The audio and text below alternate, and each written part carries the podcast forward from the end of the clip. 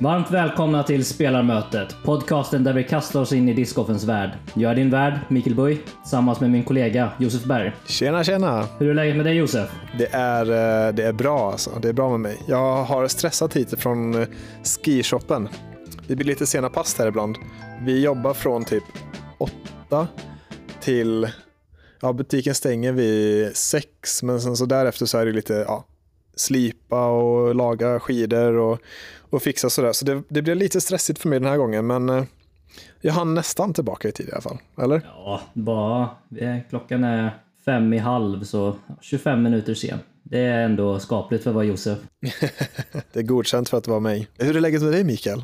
Det är bra. Idag har jag jobbat med mitt IT-jobb. Jag jobbar ju som IT-konsult. Jag har bakgrund som eh, dataingenjör för de som inte visste det. Sen var jag och spelade pingis med Denka DG, Fritiof Fagergren och Elmer Furustig i Karlstad. Det var kul. Kul. Cross fick jag. Ni spelar ganska mycket pingis nu. Ja, men eh, det har ju blivit lite av Denkas off-season där och spela pingis tydligen så. Ja, men det är inte helt fel. Hans puttstil är ju eh, liksom emulerad efter hans backhand i, i pingisen. Så det är väl på ett sätt en puttingträning för honom. Ja, men precis.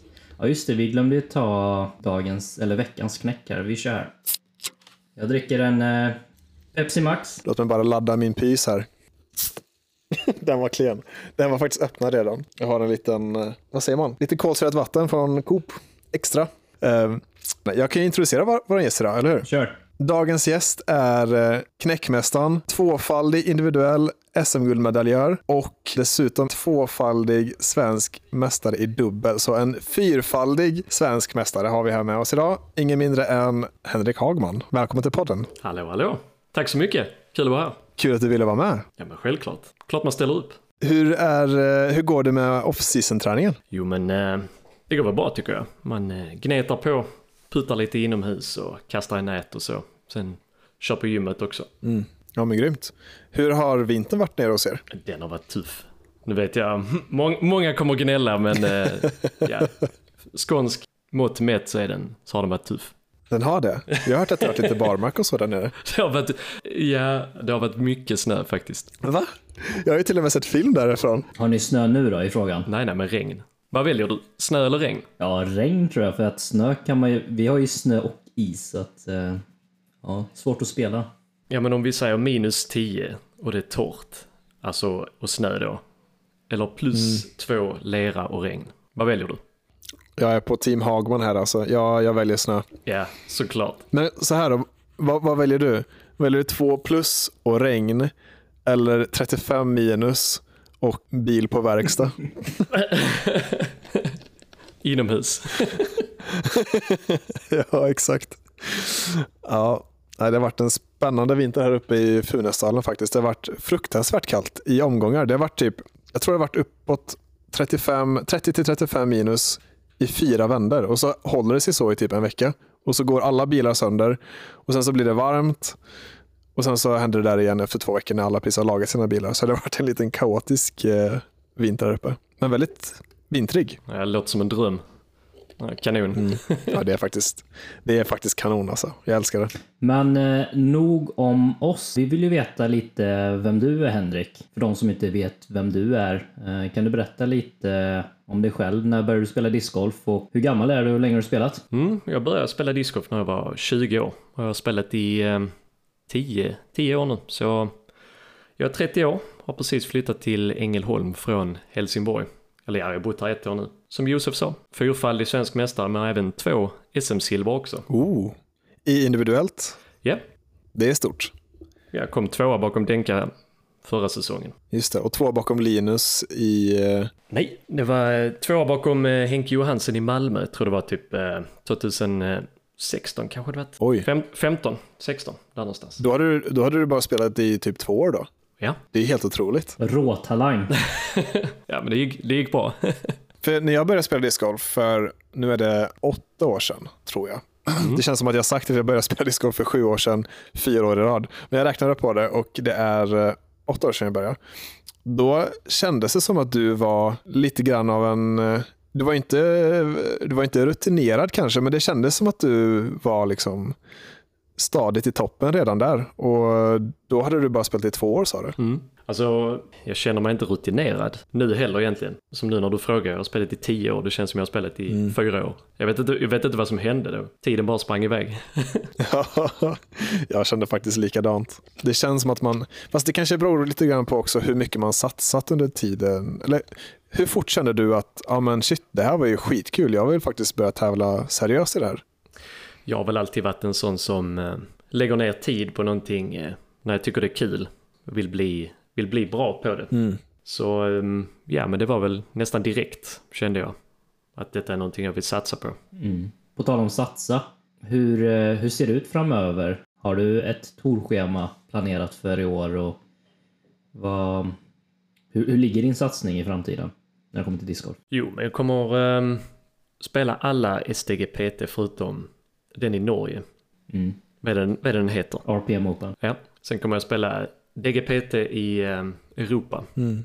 Inte alla, men ehm, många av dem. Mm. Ja, och sen så blir det ju par-SM och SM, så det blir en hel del tävlingar.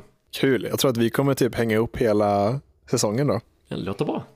Ja, det är en spännande säsong, eller hur? Ja, det ska bli riktigt kul med DGPT i Europa. Det är precis det som behövs. Mm. Mm. Jag håller med. Vad, har du någon speciell tävling som du ser fram emot extra mycket? Eller någon speciell grej med årets säsong som du ser fram emot extra mycket? Jag vill gärna spela Ale Silver Series. Ehm, Jag ser fram emot ehm, ändringarna som de har gjort. Se vad det är för någonting. Så det ska bli kul. Just det, verkligen. Har du spikat att du ska spela det eller är det liksom lite upp i luften? Jag är anmäld och klar. Ja, vad bra. Det är bra. Och krokål också då såklart. Så att, eh, den, den vill man inte missa. Mm, eller hur? Och det är ju också en eh, stor STGPT, en elit, elit STG, eller nej, eh, DGPT elit är det ju. Ja. Krokol. Så då kommer väl de flesta amerikanerna också. Får man se till att slå dem då. Precis. Har du varit i USA och spelat någon gång Henrik? Jag har spelat VM en gång. Mm, berätta om den upplevelsen. Åh herregud. Eh, alltså, det var ju, eh, vad var det, för två år sedan. I eh, Emporia, Kansas. Mm. Kommer dit, eh, ska spela första varvet då, träningsvarvet. Jag, Linus och Corey Ellis var det. Han började spela sex hål, sen blev jag stucken av en geting mellan ögonen. Aj då. Så, så jag ser ut som Shrek. Så Jag dagen tror, efter jag tror jag stack, sett bilder från det. Ja, den är hemsk. Så eh, dagen efter stack jag ut skittidigt på morgonen. Så var det någon som hälsade bara “Tjena!” så bara, Nej, nej, jag, hallå, stack jag. Jag skämdes. Men det var så jävla varmt också. Mm. Vad, vad tyckte du om ehm, tävlingen där? Alltså allt runt omkring men, men även banan? Häftigt event men banan var ju sådär. Alltså, jag vet inte. Det var ju mycket folk och så men eh, golfbanan var inte jättenice. Den andra tyckte jag var bättre. Mm. Vilka banor spelade de? Jones East tror jag den heter. Och eh, Country Club. Just det. Är det där de har en riktigt svår bana nu också som är ny? Nej, tänker jag fel nu? Då tänker du nog fel. Jag vet inte. Ja, jag tänker på Northwood. ja, ja, nej. Northwood Black. Det var inte där. Nej, just det. Den är borta vid uh, Ledgestone där. Jag kommer Exakt. inte ihåg vad den andra heter. Täv- tävlingen som brukar spelas här det är ju DDO. Mm. Det är det med den, den banan med det öhålet som man kastar över vattnet. Ja. Hur var det med vinden där när du spelade? Inte så farligt faktiskt. Det var, det var okej. För det var väl DDO det året där det typ blåst orkan där va? Var det inte det? Ja, det var samma år. Tidigare, Mm. typ i april eller någonting. Ja. Precis. Men på tal om att satsa på discgolf helhjärtat och så här. Har det, har det alltid varit så under de här tio åren att du har satsat på discgolf? Eller har det varit olika perioder där du satsat olika mycket? Ja, alltså, jag är ju en weekend warrior. Jag jobbar ju heltid, men samtidigt spelar jag ju Mm. nästan lika mycket som alla andra. Mm. Så oftast i på slutet av året så känner jag en väldig, väldig dipp neråt. Både fysiskt och mentalt. Så det är väl Mm. kanske någonting jag vill eh, ja, förbättra. Mm. Genom att kanske gå ner i arbetstimmar och satsa ännu mer. För annars så tycker jag jag försöker eh, detta året också träna på ett eh, annat sätt. Lite mer hållbart. Alltså inte så att man överanstränger sig tidigt och sen så... För säsongen är så kort och man har inte råd att vara borta till exempel en månad. Mm. Är det så att du tar semesterdagar för att kunna åka iväg på de här resorna. Ja, Ja. allihopa. Så hela semestern går till att spela discgolf, tävla discgolf. Ja, du har gjort det nu i tio år. Och det är starkt. Vad jobbar du med? Jag jobbar som breddare och eh, numera så kör jag också lite som eh, instruktör. Eh, Jag har startat mitt företag ju, så eh, instruerar här lokalt. Mycket på, i klubben och så. Spännande. Discgolf alltså? Ja. Kul. Mycket tekniska grejer och, och så. För att eh, märkte det att det, det var många som skrev på nätet och många som kom fram och frågade. Och jag, jag har hjälpt många gratis genom åren och tänkte fan det här kan jag ju tjäna pengar på. Så, så jag började med det och det har, det har gått bra. Mm. Men kör du då one-on-one eller med grupp eller är det liksom alla förfrågningar? Både och. Ja. Hur, eh, hur får man en session med Henrik Hagman då? Du kan skriva till mig på Instagram. Där heter jag Henrik Hagman. Så eh, kommer vi överens om tid och plats. Mm. Och vad du behöver hjälp med. Mm. Kör du remote också för de som inte bor nere i Skåne? Nej, det har jag aldrig gjort. Men jag har eh, funderat på det. Mm. Mm. Typ såhär form reviews och sånt skulle man kunna göra. Mm. Och jag skulle verkligen rekommendera er att höra av er till Hagge om ni har frågor eller är intresserade här. För att du är ju du är väldigt pedagogisk och du förklarar saker på ett enkelt och bra sätt. Ingen eh, bullshit liksom, utan det är bara, det är bra. Tack så mycket. Det lilla jag fått höra. Ja, jag har hjälpt dig också. Ja, faktiskt. Det hjälpte mig med min forehand faktiskt. Ja. Lite grann. Vet inte om du minns det? Jo då. Mm.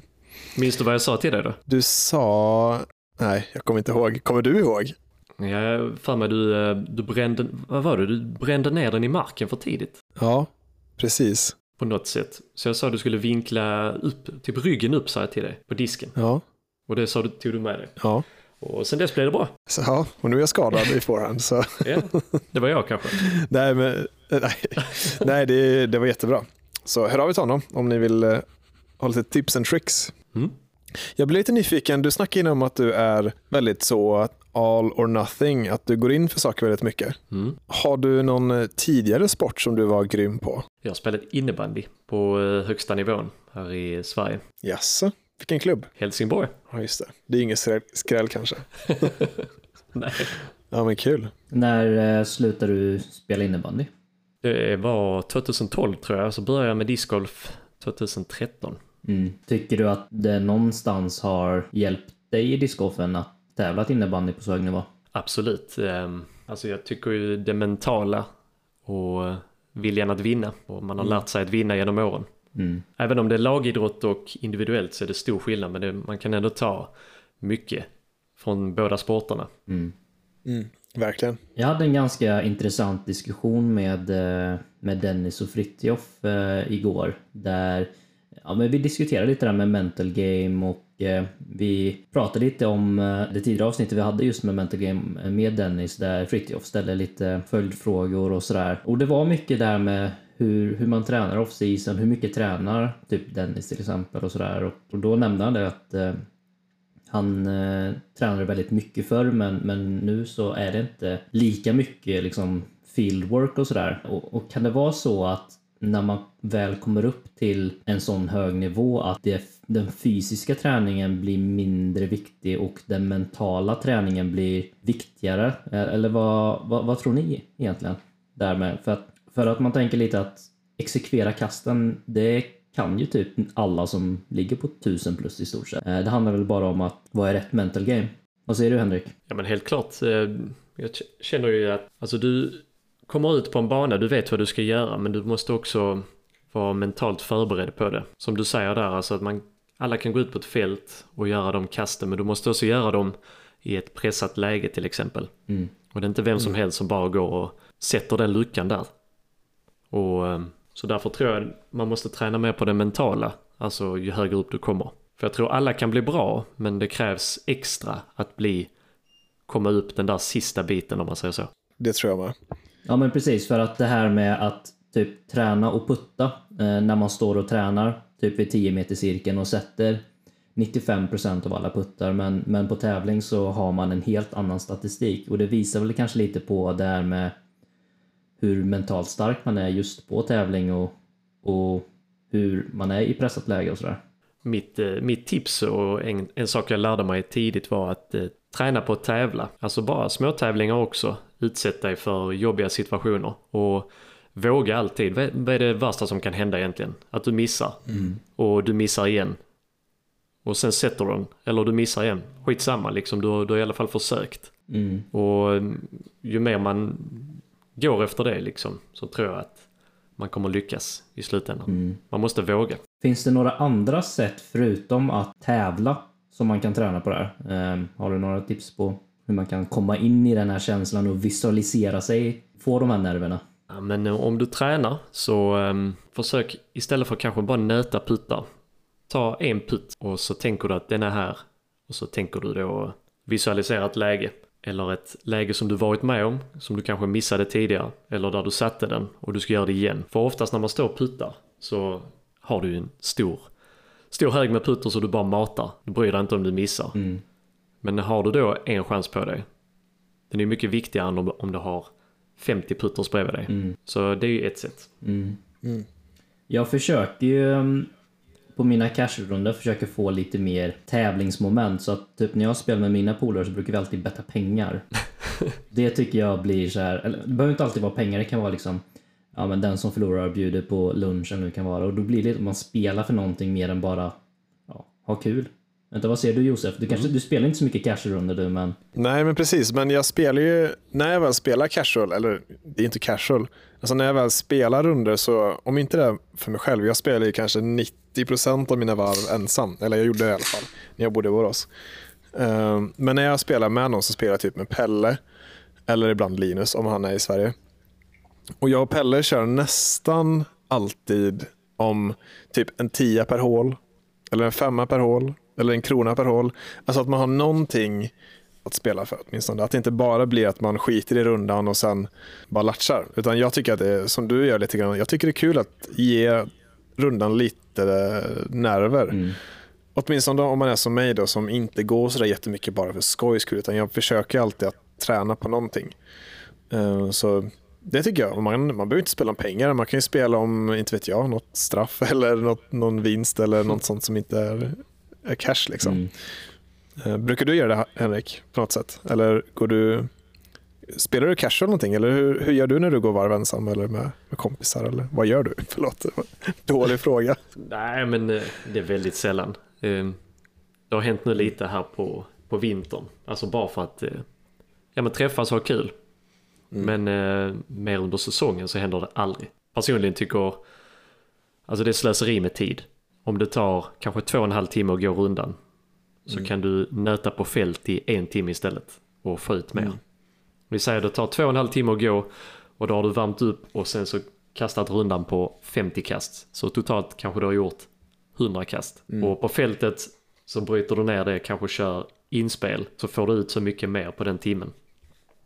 Så ja, det händer sällan. Du är väldigt eh, duktig också på att vara effektiv med tiden nu. Det måste du ju vara i och med att du har ett heltidsjobb vid sidan av din satsning. Så du måste ju värdera liksom, ja, men är det här värt min tid eller inte? Ja, jag, jag försöker vara det i alla fall. Har det också någonting att göra med, har du någon, eh, vad säger man på svenska, kast, alltså räknar du liksom att, ja men nu, på engelska och inom typ baseball och sånt så har man ju en shot count eller en pitch count eller vad man säger. Har du någonting sånt att du tänker också att du ska spara på kroppen och därför så kastar du inte hur mycket som helst. Följer du någon sån plan? Nej, men jag borde nog bli bättre på det. För ibland så blir det lite mycket faktiskt. Jag känner personligen att det är, för mig är backhand inte lika jobbigt som forehand. Men jag känner jättemycket i min arm och i min kropp om jag kastar mycket forehand. Mm. Ja, jag känner likadant. Det är någonting jag måste ta med mig till denna säsongen för att eh, armbågen blev överansträngd tidigt förra säsongen. Och det, det kostar mig jättemycket. Mm. Och det är inget jag vill som ska hända denna säsongen heller. Så det är någonting jag ska ta med mig och tänka på. Att kanske inte, ja men på träningsvarv på banor som du redan varit och spelat på innan. Behöver inte nöta hål som man har spelat förr. Man vet vad man ska göra. Det är Bara få in känslan. Kasta en, två diskar och gå vidare. Jag snackade lite grann med den finska landslagstränaren eh, Jonas. Och han pratade om det att många finnar som han coachar, de gör så att de, de går ett träningsvarv. Säg om tävlingen är fredag till söndag. Så kör de ett träningsvarv på onsdagen. Det beror ju på hur mycket tid de har. Men han sa att det optimala hade varit om de gick ett träningsvarv på tisdagen. Sen ett träningsvarv på onsdagen. Och sen dagen innan så går de och bara spelar inspel. Typ att de, eh, att de går till sina landningszoner om det är par fyror eller sådär. Eller hur var det han sa nu igen? Mm, Men det, det låter rimligt ju. Nej, så här sa han. Tänk två varv. Att man går ett träningsvarv och sen eh, andra varvet, nej jäklar alltså, det här blir komplicerat. Ja, men jag fattar, jag tror du menar så här att det, om vi säger att du har mycket tid på dig. Så första gången du spelar banan, då lägger du ner mycket tid. Du kastar från flera olika linjer, du provar olika diskar. Japp. Och den an- andra rundan så spelar du i princip skarpt. Du har ju kanske några hål där du känner att okej, jag ska kasta två diskar från denna driven. Och sen så då dag tre så kör du inspel, närspel. Från här ungefär kommer jag ligga och här vill jag spela inifrån. Precis. Lite extra sådär. Det blir väl väldigt konstigt om en bana har bara par treor. Står du och puttar bara i så fall då eller? Ja, det var, det var det som var lite det som slog slint, för när jag skulle förklara det så kom jag på det att det var nog kanske utkast på treorna, men att man sparar sig på de långa kasten på drives på par fyror och sådär. Och då, och då tänkte jag att det kanske är då att han kör två träningsvarv och att han skippar bombkasten då på det andra träningsvarvet och går till sina landningszoner istället och spelar in därifrån. Jag vet inte. Men det, man behöver liksom inte mata, mata, mata, mata. Jag känner ofta att man blir lite överansträngd då och trött på tävlingen istället för att det ska ge någonting. Ja, men det beror på som du säger vilken typ av bana det är också. Verkligen. Alltså är det en modern och ny bana så de, de är ju längre. Mm. Men eh, spelar du en sån lite mer klassisk svensk bana då är det ju är det lugnt. På tal om banor och så. eh, Du är ju, du flyttade till Ängelholm i år, eller hur? Mm. Du, din tjej och era två hundar. Japp, Vad, har- vad har du för hund? bra research. Jag har två hundar. Den ena heter Leia. Hon är en chihuahua-blandning och den andra heter Winston och han är en fransk bulldog. Ja. Är båda dina? Eller är någon Ja. din tjejs? Nej, de är mina. Har du med dem på jobbet eller? Nej, men Winston han brukar hänga med på, på banan när det är sommar. Han tycker det är gött. Ja. Jag hade ju faktiskt en liten mops själv ett tag. Det, var ingen, det är ingen mops då, det är en fransk. En liten. Ja, men de är väldigt lika. De är väldigt lika och de är väldigt söta. De är goa. Går din runt och käkar harbajs också eller? Hur visste du? jag vet inte, jag tror det ligger i deras blod bara. Jag försökte få honom att sluta men eh, jag gav upp alltså. Det, det gick inte att stoppa han. Ja, precis så är det. Men det kändes som du ville komma någonstans med det där Josef. Just det, ja, det, det jag skulle säga, det jag skulle fråga var, du flyttade till Ängelholm och det är ju precis granne, du bor ju nästan granne med eh, Valhall, vilket är ett av stoppen på STGPT. Det är väl första stoppet på STGPT. Eh, vad är det för slags bana? Ja, hur ska jag beskriva den? Det är ju, um, hela anläggningen är egentligen, det är två, två banor med en eh, pro-layout som man slår ihop när du spelar 9 och 9 på vardera bana. Till exempel du spelar T1 till Koi 3 så att det blir ju en mycket svårare och längre layout i skogsmiljö blandat med lite parkmiljö också. Men eh, ganska så tuff bana måste jag säga. Långa hål kan straffa sig lätt om du fastnar tidigt. En del OB men eh, framförallt väldigt blåsigt. Det är inte så att eh, banan känns som typ Safari för att man slår upp massa hål eller är det ändå väldigt väl planerat skulle du säga? Ja, alltså vissa hål kanske känns lite skumma. Men eh, annars så tycker jag själva layouten är ganska bra ändå. Mm. Och det kan vara värt att nämna att den här banan har designats av Martin Splid och den andra Splidbrodern, eller var det bara? Christian? Ja, precis. Har du något finger med där i bandesignen eller projektet på Valhall Disc Golf Park? Nej, nej, nej, ingenting. Eh, det enda jag gör här egentligen är att det är banan som är närmst där jag bor. Så jag är här och ja, men, hjälper till Henrik Mattsson då som äger stället. Han spelar inte discgolf själv ut, utan eh, ja, han valde att satsa på discgolf för han såg att det är en sport som växer. Mm. Och eh, ja, så råkade det hända att jag flyttade hit och det passar ju bra. Så, han, så vi samarbetar lite där. Han frågar efter tips och råd och så vad som behövs fixas. Till exempel inför tävlingen här så, så hjälper jag honom med det. Mm. För eh, går man in på deras hemsida så, så är ditt face med där som Banans Pro eller Valhalls Pro. Mm. Lite, lite smygreklam. Men, men det är lite för att eh, ja, men hjälpa den andra Henrik då med allt som har med discgolf i och med att han kanske inte är helt bevandrad i sporten då kanske. Ja, precis. Jag hjälper med promotion och eh, lite så. Som till exempel nu. Vi sitter och pratar om det. Mm. Mikael, eh, du som har lite, du har ju ett finger med i arrangemanget där. Mm. I och med att eh, du har stort ansvar för SCGPT. Har du någonting speciellt med den tävlingen som du ser fram emot? Vad, vad kan man förvänta sig liksom när man kommer till Valhalla Open i år? Ja, men vi touchade det i ett tidigare avsnitt med STGPT. Uh, men jag skulle nog säga att eh, allt runt omkring, alltså alla faciliteter på banan, allting ligger ganska kompakt och så har du hoteller som ligger nästan i mitten av banan. Det ligger väl typ och blickar över hål eh, 16-17, är det inte så Henrik? Jo, 17-18. Ja, precis. Och, och de har en utomhuspool där, uppvärmd bubbelpool eller jacuzzi om man kan säga. Det är en stor pool i alla fall. Som, som är precis vid hål 17-18. Så att eh, jag tror det kan bli riktigt trevligt. Och ni som vill eh, ha tänkt spela. Just nu så är det fullt i, på amatörfältet. Eh, det är några på väntelistan. Men eh, Vad kul! Ja, det är kul att se. Det verkar som att folk är taggade. Eh, Vi gjorde ju lite eh, film och reklam för det på STGPTs instan där. Men, eh, och jag hoppas att det är många som väljer att bo på hotellet. Eller de som kanske bor i husbil kommer att hänga med oss. Det finns fortfarande platser kvar i, eh, i MPO och, och FPO, men det är väl nog främst för att vi har ratingstegen. Just nu så ligger den på 950 vill jag minnas, så att eh, har du 950 och sugen att spela eh, så, så tveka inte att anmäla dig. Jag tror det kommer bli en riktig banger-tävling. Mm. Vad roligt att den är full. Jag går in här och kollar på Xing och det, det är som du säger, den är full och så är det folk på väntelistan. Det är eh, superkul. Jag tror, för mig är det väldigt viktigt att tävlingarna man åker på känns som events. Att det finns folk på plats och att det finns folk som tittar och stöttar varandra. Liksom. Så det gjorde mig väldigt glad. Mm. Så det ska vara. Eller hur? Henrik, vad, vi, vi har snackat lite grann om vad man ska göra för att locka folk till att komma och titta på tävlingar. Vad, vad tänker du hade varit bra att implementera på tävlingar både i Sverige och utomlands och sådär? Vad, vad behövs för att vi ska få fler folk som kommer och tycker det är kul att följa discgolf i Sverige? Oj, ehm, svår fråga. Mm. Ehm, men jag tror att man ska försöka få lite mer events, alltså företagsevent. Klubbarna kanske försöker få in fler företag. Så att det inte bara är discgolfföretag som sponsrar tävlingar också. Utan att det blir ett bredare, en bredare blick över det hela. Och på så vis kan du locka in nytt folk. För annars är det ju oftast att om du arrangerar en tävling så har du dina vanliga disksponsorer. Och så kanske du har någon lokal och sen så är det färdigt där. Jag tänker att man måste få in fler företag där det är som inte har med discgolf att göra egentligen. Och det kan man göra genom företagsevent. Till exempel att man ja, men kör lite kick-off och sånt så att eh, de får upp ögonen för sporten. Mm. Och där är alltid någon som fastnar.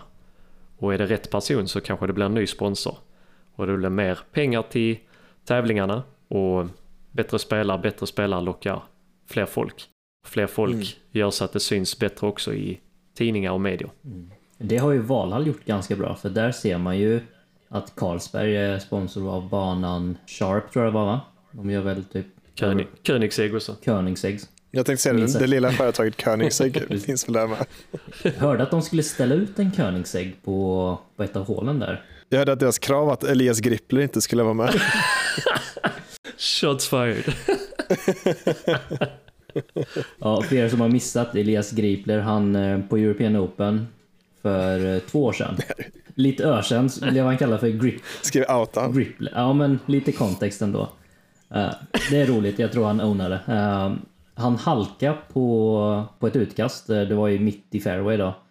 Eh, och, och kastade rakt mot en publik, alltså en distance driver i full rip och Elias kastade ju typ 180 meter. Det var i Distance Showcase. Ja, då distance Så de hade, showcase. ju, de hade ju linat upp liksom eh, två rader med folk. Mm. Och eh, det var lite så smygblöt ute så han skulle ladda en sån pang-drive. Mm. Så han laddar ju som fan, halkar och fimpar den rätt in i publiken. Men han träffade väl inte någon då? Eller gjorde han det? Nej nej, det Det var, var, sjukt nära bara. Ja, det hade ju blivit eh, men för livet om man hade fått en sån typ i ansiktet eller något tror jag. Point blank. Ja det är godnatt direkt. och för att ge lite kontext till kontexten då. Det här hände ju då efter kanske ett av hans livs eh, sämsta runder. Jag tror han själv skulle säga samma sak. Jag vet inte var han gick. Eh, det kan vi ju kolla upp, men det var liksom någon sån här, ja, jag vet inte, plus 10 runda typ på European Open. Och hela rundan började med att han eh, träffade det här, ram, det här ramverket med lite banners och sådär med eh, grejer på hålet. Det är typ en liten grej som man ska kasta igenom, kanske 15 meter fram eller så. Eh, han träffar den så den studsar på den nya Ford Mac 1 som står ganska långt till vänster om det här utkastet då, som står som en sponsorbil. Så han träffar den här bilen. Det är första missödet. Sen så har han en tuff runda, jada jada. Efter varvet så springer han och lämnar in scorekorten. Och det här vet inte jag exakt detaljerna om. Vi måste nästan ringa honom och fråga om det här. Det, Men han, han lämnar in ett scorekort där det enda korrekta scoret är hans egna. Ja. Och de andra är Jeremy Coling, jag tror att det är, jag tror det var Matt Bell Chris och någon mer. Ja, Chris Shotwell och någon mer. Jag tror att Chris Shotwell missade katten på grund av det här. Så de var ju fly förbannade, men Elias hade ju redan stuckit därifrån. Han visste inte om det här. Just. Ehm, så det var, jag, var lite, jag var där i båset eh, och det var lite några kaotiska minuter. Men allting slutade väl lyckligt ändå till slut tror jag. De fick sina, de fick sina score, scores rättade. Och jag tror inte ens att det var Elias fel. Jag tror att de hade typ gett tummen upp eller någonting åt honom att gå sådär. Men ja, det, det var Men en vad säger vi om det då? Det var ju dag. pappers scorekort. Ja, exakt. Det är ju... Mm. Gillar inte det va? Nej, vad fan. Det är gammalt. Vad, vad tycker ni om det här med Jäklar. att alla ska föra score nu då? Jag är fine men med det- det. Det är väl rättvist? Jag har ju faktiskt kört en eh, fyra sanktionerade tävlingar i år. eh, Där vi har använt den här funktionen i Qing faktiskt med, med group scoring som de kallar det.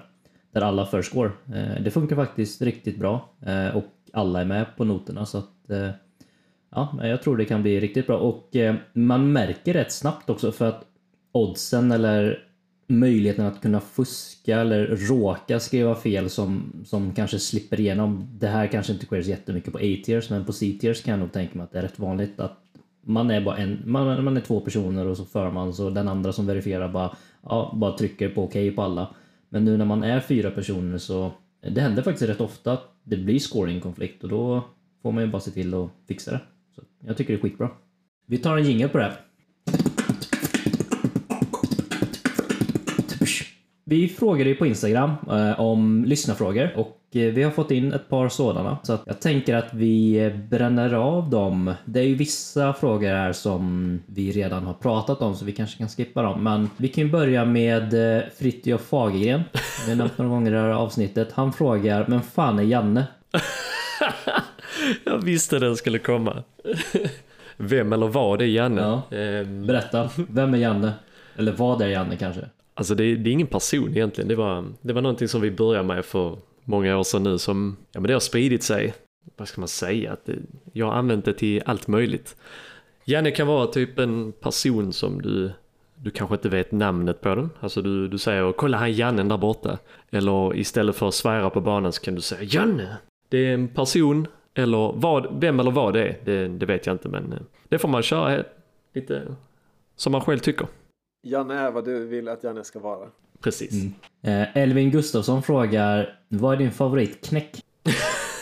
Det är fler som har frågat. Jag har fått massa frågor också. Så det, det är en återkommande fråga. Favoritknäck? Topp tre kanske? Ja, men just nu dricker jag äpple och melon från Clean.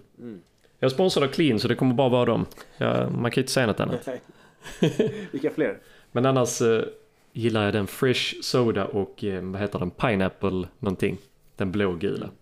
Det är min topp tre. Jag tycker den eh, melon är riktigt bra faktiskt. Den är kanon. Jag har lite frågor också. Ska vi blanda och ge lite grann du och jag Mikael? Kör. Jag har en fråga här. Max Haag frågar vad är det roligaste med att vara på tour? Man får ju träffa många av sina bästa vänner. Helg ut och helg in. Men sen också att eh, man får inte glömma att man reser mycket och glöm inte bort att titta. Alltså se sig omkring. För det glömmer man ibland, till exempel om man spelar krokhåll. Glöm inte bara vända dig om och titta lite också. För man är så uppslukad av discgolfen ibland. Måste också tänka på att man gör det för att det, det är kul. Och inte bara discgolfen. Så resandet är, det är kul, även om det är, kan också vara riktigt tråkigt ibland. Jag har en till här. Det hör lite grann ihop med torandet. Howard Sorley, Surley. Jag får bara upp, eh, jag får upp utan prickar över öarna och åarna. Men Howard. Håvard Sörlie. Eh, Han frågar så här på norska. Men jag översätter det till svenska. Vill gärna höra vad både du och han tänker om att ET, alltså Eurotour och Euro Pro Tour slog ihop i år till Disc Golf Pro Tour Europe. Vad tycker du om det? Men lite som vi pratade om i början, jag tycker det är helt rätt. Det är, det är någonting som måste hända i Europa och det ska bli kul att se förändringen här framöver. Locka lite större namn också, inte bara vi, inte för att vi är sämre egentligen, men eh, locka lite fler amerikanska namn och eh, fler som vill komma och titta också. För att det är ju så att de, de drar ju publik och det är bra. Det är positivt. Mm. Ja, och jag tycker ju att det har inte varit bara dåligt för oss som spelare att det har funnits två torer. För att det blir ju ganska mycket att välja på och det blir ju inte lika stor konkurrens om prispengar och sådär. Så det har varit ganska så fördelaktigt att liksom kunna välja en tour och hålla sig till den. Att, om man tänker på prispengar och sådär då. Men det känns som att det här var på tiden. Det behöver vara en sammanhängande tour där, där alla samlas helt enkelt. Att man inte ska behöva välja att ja, köra ET eller EPT. Eh, jag tycker det var, det var nice med ett par år med lite konkurrens. För konkurrens måste finnas. Eller det är väldigt viktigt för att det ska liksom, ja, utvecklas till någonting bra. Men det var, det var lägligt att det blev en sammanslagning just i år. Vi har en fråga från Kristoffer Dans som undrar vad skulle du säga är det som skiljer mellan proffs från amatörer? det mentala. Det är den största delen. Många gånger så kastar man inte jättemycket. Man kastar inte mycket längre, man puttar, kanske puttar bättre, det gör man. Men eh, det är inte så att längd är allting. Det finns de som är amatörer som kastar lika långt som jag gör, men kanske inte har det mentala. Mm. För det är svårt då när det är tufft i vissa lägen och så. Så den, det som skiljer mest är det mentala. Och eh, lite på samma spår där så har vi en fråga från, eh, nu vet jag inte vad alla heter så jag säger bara vad, vad er Instagram handlar med. Krispunk13 undrar om du har några tips på nya spelare som ska börja tävla 2024? Börja lokalt och ehm, ja, men, träna på att tävla. Utmana dig själv. Var inte rädd heller. Så eh, hitta någon lokal tour kanske, mindre tävlingar. Försök få ihop ett kompisgäng om det går. Åk iväg tillsammans och ehm, ja, men kanske spendera en helg här och var. Det är bara att köra. Arvid DG frågar eh, vad dina mål är för 2024. För att du nämnde lite att du hade tänkt spela DGPT, Europe och SDGPT och sådär. Men, men vad har du för mål med ditt tävlande i år? Jag har inga mål så rent eh, placeringsmässigt. Mina mål egentligen är väl att försöka hålla mig frisk. Ta några bättre, bättre val. Inte, inte kasta så mycket som vi pratade om innan. Slita ut mig. För att det kostar för mycket. Var lite smartare. Så det, det ska jag försöka. Försöka vara frisk helt enkelt. Undvika skador. Vad är dina bästa tips för att få ett bra flow i en runda? Det undrar Elis Rosander. Ett bra flow, ja men ha en tydlig gameplan redan från början. Och håll dig till den. Håll inte på att ändra och så på tid. Påverka inte, bli inte påverkad av vad andra gör. Till exempel om han kastar en driver och du har tänkt kasta en putter, ja men då, då kör du på din plan. Och lita på att den planen är bra. För att alla, alla spelar olika. Alla har sina styrkor. Jag kanske är bättre kasta på att kasta långt och då väljer jag en driver. Men du kanske är bättre på att lägga upp och gå långt på andra kastet. Så håll dig till din gameplan och se till att vara noggrann i det du gör hela tiden. Vi har en fråga här och vi kanske behöver lite mer kontext där men vi har en person här som heter Linus Karlsson DG. Han frågar Kuno Areng eller Canerva?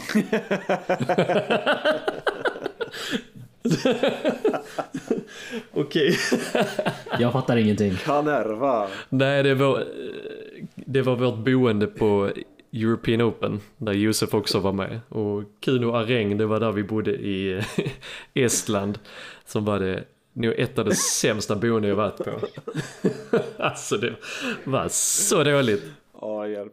Jag såg på balkongen där i Kanerva. Ja men det var, det var ändå okej där. Eh, Det var ett Airbnb, en lägenhet som vi hade hyrt, eh, vi två och Max och Linus då.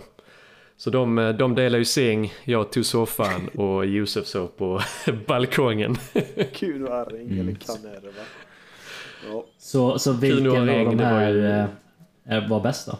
Ja, det var ju Kanarva såklart, men eh, Kuno Areng, det var ju, wifi funkade inte. Det gick inte att spola och duschen var ju tveksam också, så att nej.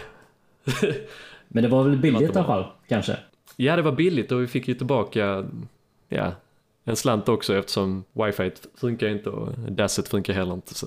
Eh, Discgolf-Robban frågar så här. Om du fick spela en skinsmatch mot tre andra av valfri kaliber, vilka skulle det vara och varför? Det är ju, så, det är ju dumt att ta de som är skitbra. Ja, jag tänkte säga det. Ska man ta, ta tre lokala då som man vet man spöar så att man blir, får pengar? Eller ska man tänka att det är kul att spela med typ Macbeth och grabbarna? Hur tänker du? Nej, Jag vet inte, det hade varit kul att sätta ihop något här i Sverige kanske. Det har varit jättekul. Men eh, ja, Vilka hade varit dina tre? vi två, vi två Linus och ehm, Ja, jag Johan tänkte Davidsson. säga det också. Johan kommer ju vara med den. Alltså. Ja, problemet är att han kommer vinna alla pengar. det kommer bli underhållande i alla fall. Ja, det tror jag. Eh, Summer Feet undrar vilken är din favoritdisk? Prodigy då, frågar han. Och jag skulle säga F1.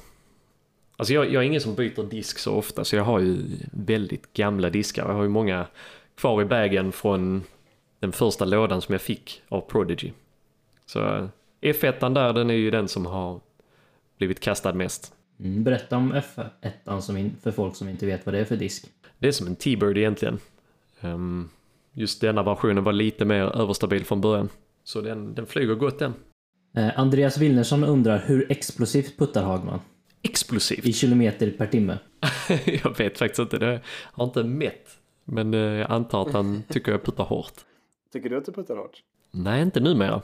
Alltså, det är ju många yngre som kommer upp, eller har kommit upp de här senaste åren som jag tänker, jävlar, det fan lugna sig lite. Så inte längre, men eh, innan var jag kanske i toppen, just i kilometer i timmenvis. Jag har slut på frågor. Har du något Josef? Men jag, jo, men jag har, jag har en hel del här. Men vi har snackat om ganska mycket av det som, som frågas. Lite grann off-season. Lukas undrar om du är rik. Ehm, ja, men det är saker som... eh, nej, men jag, jag tror att vi har eh, täckt det mesta av det som, vi, Mm. som folk har frågat om. Ja, men eh, det börjar bli dags att avrunda. Är det några du vill eh, tacka eller någon shoutouts? Du- Hur följer man dig, Henrik? Ni kan följa mig på Instagram, kontakta mig där. Henrik Hagman heter jag där. Eh, Även en shoutout till Diskexpress som alltid eh, ställer upp, hjälper mig. Och även Prodigy. Clean Drink som jag sitter här, pimplar i mig. Utöver det så vill jag tacka er också för att jag fick komma. Tack. Tack så jättemycket för att du ville komma. Verkligen superkul. Mm, jättekul. Innan vi avslutar veckans podcast vill vi göra en liten giveaway för er som har lyssnat så här långt. Målet är att vi ska ha en giveaway efter varje avsnitt för er som har lyssnat hela vägen. Och där vi helt enkelt väljer folk som integrerar med oss på Instagram eller sociala medier. Den här gången vinner Christopher Dans, at Christopher Dans, eller Dans, ett litet presentkort på hitlandiscgolf.com. Så skriv till oss på Instagram, at spelarmotet, så löser vi resten. Tack för att ni lyssnat på veckans avsnitt med Spelarmötet. Lämna gärna en algoritmisk like, follow och rating. Det betyder mycket för oss. Har ni några andra förslag på ämnen eller gäster som ni tycker att vi borde ta in? Skriv gärna till oss på Instagram. Jag heter atdiskboy. Josef heter josef.berg. Och podden kan ni skriva till spelarmotet. kan även mejla din fråga till oss. Spelarmotet gmail.com eller besöka vår hemsida kan även lyssna på podden där genom hemsidan spelarmötet.se. Jag är din värd, Mikael Böj, tillsammans med min kollega Josef Berg. Vi hörs som vanligt nästa torsdag. Ha det, hej! Hej på er!